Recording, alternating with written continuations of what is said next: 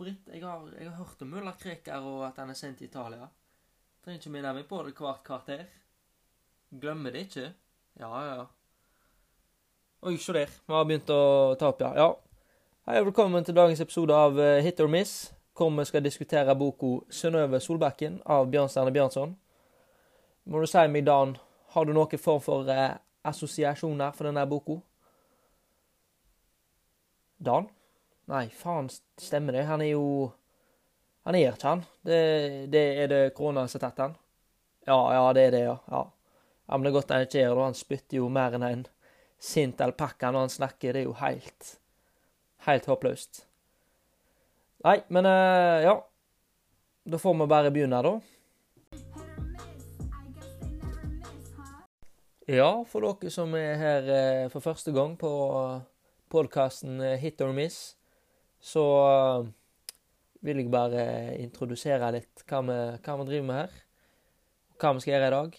Jo, i dag skal vi jo snakke litt om Synnøve Solbakken. Forhåpentligvis lære dere litt om han og få økt interessen deres. Og så er det jo det om du er en liten sucker for humor, da, så er du på rette plassen. For her har vi ei lita klype humor, ei lita klype info i samme, samme skål. Synnøve Solbakken var jo uh, publisert av Bjørnstjerne Bjørnsmann, eller Bjørnstjerne Bjørnson som han egentlig heter, da, i uh, år 1857. I boka får vi et lite innblikk av eh, bygdelivet på den tida som boka var skrevet. Uh, ja, hvordan det var å leve på den tida, da. Uh, hovedpersonene i boka heter jo selvsagt Synnøve Solbakken. Og så har du uh, Torbjørn Granlien. Synnøve hun var født og oppvokst på Solbakken. Mens Torbjørn sjøl var født og oppvokst på Granlien. Som var da i motsatt ende av dalen, da. Uh, og helt fra starten av boka til siste slutt har Torbjørn sittet og sett lengtende opp på Solbakken og tenkt at en dag, en dag skal han sitte der oppe og se ned på triste, mørke Granlien. Vi blir eh, tidlig eh, informert om at eldste sønn i familien, Granlien, veksler mellom å bli kalla Torbjørn og Sæmund. Sæmund, da, som er faren på gården. Har du hørt rimet? Ja, Britt i hvert fall, det ser jeg. Ruller jo rundt på gulvet av latter. Det er så løyen jeg er, altså. Ja, nei, tilbake til Sæmund.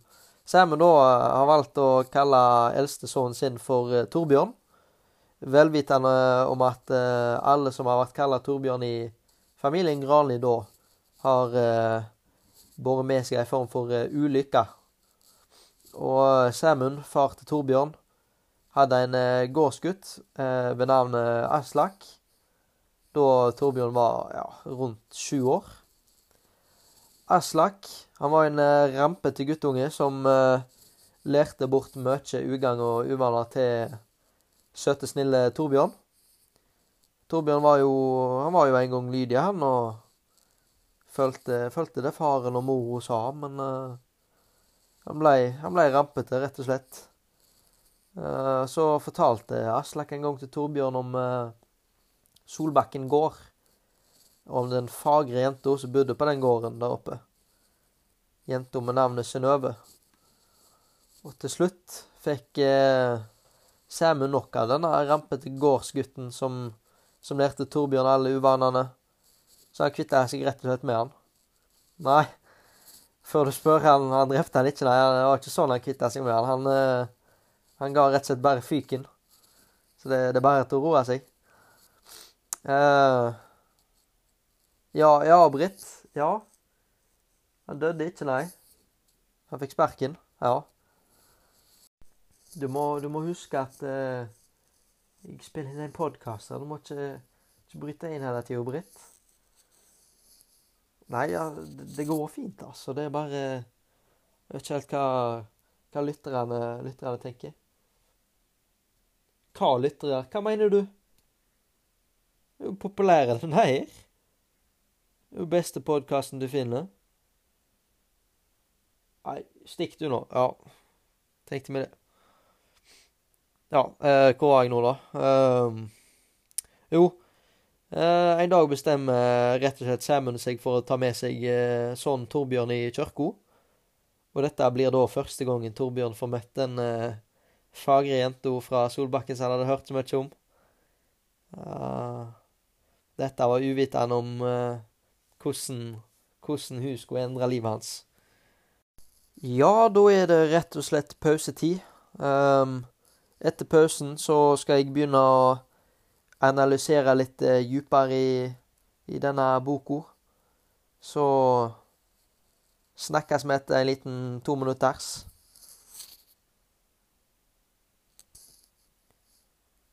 Jeg går med nå. Må kutte, kutte kutt, Kutte Britt.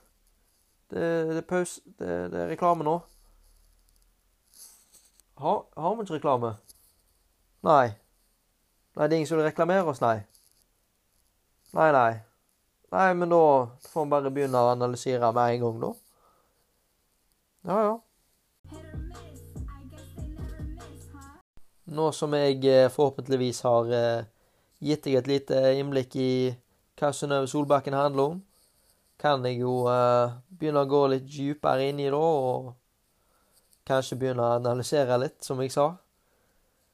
Uh, tanken er da at jeg eh, begynner å se på litt sjanger, så litt på motiv, tema, budskap, komposisjon, klasseskille mellom Torbjørn og Aslak, for så å avslutte med barndom og ungdomstida på 1850-tallet i forhold til 2020. Sjøl kaller Bjørnstjerne Bjørnson eh, boka si for ei fortelling. Eh, men jeg har eh, valgt å analysere den som en novelle. Ikke fordi jeg er smartere enn Bjørnstjerne Bjørnson eller har mer peiling på boka hans enn det han sjøl har, men det er rett og slett det jeg har lært hvordan jeg analyserer, da. En novelle er jo òg eh, egentlig bare ei kort fortelling, da. Og siden jo Bjørnstjerne Bjørnson kaller boka si for ei fortelling, og han bare er på rundt 90 sider, så vil jeg eh, si at det skal være greit å greie denne boka under kammen til, til en novelle, da. Motivet i denne teksten er en gardsgutt med navn Torbjørn som finner seg i å falle. Jeg vet hva, han faller ikke bare en gang. Han, han faceplanter rett og slett hardt for ei jente med navn Synnøve, som bor oppe på den solfylte Solbakken, mens han sjøl bor nede i mørkeste granlien i motsatt ende av dalen. Temaet, altså det teksten handler om i et djupere plan i denne novella, er kjærlighet og det å være forelska i bygdalivet på 1800-tallet. Torbjørn får nesten ikke lov å være i nærheten av Synnøve, og når han først får være i nærheten av henne, så får han beskjed om at han må endre hvordan han er, og hvordan han oppfører seg fordi han er så rampete og bare vil slåss og, og uh, hølje, da. Um, Synnøve og Torbjørn de forelsker seg, og Torbjørn vil gjøre alt han kan for å målbinde denne vakre dama. Budskap. Sånn som jeg har sett på det, så vil jeg si at budskapet, eller budskapet, i denne boka er at hvis det er noe du virkelig vil ha, så, skal, så, må du ikke gi opp på det. Du må ikke gi slipp før du har det. Tilfellet i denne teksten er jo kjærligheten mellom Torbjørn og Synnøve. Eh, og det at Torbjørn ikke må gi slipp, sjøl om han får beskjed om at han må endre seg og slutte å være den han egentlig er, da, for å få henne. Eh, ja, og som sagt, det at tilfellet i teksten her er kjærlighet, Uh, men det kan òg være andre eksempel, sånn som den chipsen på øverste hylla som du ikke rekker, men du bare må ha fordi du elsker den. Guacamole? Hvor skal jeg vil ha guacamole nå, Britt? Du har, du jeg snakke om chips, ja? Jeg hadde jo ikke vært gale med litt chips og guacamole nå. Nå som magen er fullte og gliset er breie, kan vi gå videre til komposisjonen i teksten. Fortellinga starter ganske rolig, og vi får et innblikk i hvordan de forskjellige personene er, og hvem de er. Her får vi òg vite om den såkalte ulykka som henger over de i familien Granlien eh, med navn Torbjørn, og hvordan Torbjørn begynner å bli uskikkelige og gjør uting. Eh, Synnøve og Torbjørn vokser kjapt opp i boka, og den høyeste spenningkurva, ifølge meg, er når Torbjørn flyr på Knut for første gang, og at han finner ut at Synnøve ikke vil være med lenger. Men Torbjørn gir ikke opp. Tvert imot. Når Torbjørn konfronterer Knut for ikke første, men andre gangen, eh, velger han da til slutt å gjøre opp med Knut, i stedet for å lage en større scene ut av det, da. Eh, og dette gjør jo at Synnøve finner ut at Torbjørn har vokst opp. Han er ikke i Han er ikke about that life, der han skal bare ut og feste og slåss. Og for å runde opp eh, episoden, så skal jeg først snakke litt om klasseskillet mellom Torbjørn og Aslak, før jeg avslutter med barndom og ungdomstida og forskjellene fra 1850-tallet til 2020. Som tidligere nevnt var det en eh, gårdsgutt som jobba på gården til Sæmund. Han var jo en eh, skikkelig pøbelunge som var med å gjøre Torbjørn til en rampete guttunge sjøl. og eh, klasseskillet mellom Torbjørn og Aslak er jo at eh, medan eh, tjenergutten, som du kan kalle han, jobber hardt fra gård til gård for å forsørge familien sin, eh, så var alt det Torbjørn trang å bekymre seg for, konfirmasjonen sin, eh, og bli en mer lovlydig mann og å få drømmedama si. Så til slutt barndom- og ungdomstida fra 1850-tallet til 2020. Det er uten tvil forskjeller fra hvordan barndomstida og ungdomstida vår er i forhold til hvordan han var på 1800-tallet. Før var det jo mye vanligere for barn å jobbe, eh, og når de var oppvokste på gård, så var det selvsagt mye krav eh, for familien. Eh, og de var mye mer avhengig av den arbeidskrafta som barna deres gidde, da. I tida vår derimot så er det mye vanligere for unger å holde seg inne, sitte på sosiale medier, se på Netflix, YouTube, you name it. Um, hele dagen, da. Uh, før så var det òg vanlig å slå ungene sine, eller straffe dem med ris eller andre måter å eh, på en måte vise dem at nå må dere oppføre dere, eller så Ja. Den dagen i dag er det ikke like mye press for unger å jobbe hjemme.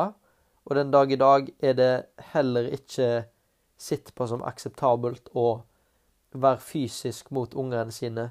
Slå de, gi de ris, straffe de på den måten. Men likevel så er det ting som er likt mellom vår barndom og ungdomstid i nåtida og i forhold til 1800-tallet. Et, et eksempel på det kan være hvordan ungdommen fortsatt er mye ute og fester og slåss nett som i Torbjørn eh, i denne historien, da.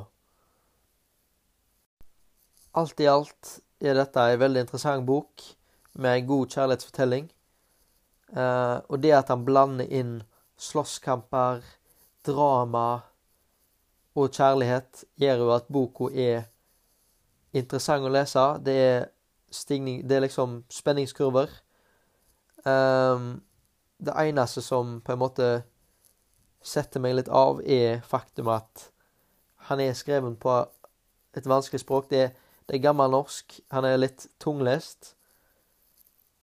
Men ja, uten tvil. Bjørnstjerne Bjørnsemann. Det blir en hit fra meg. Og med det så har jeg ikke mer å si. Jeg og Britt takker for oss. Ha en god kveld.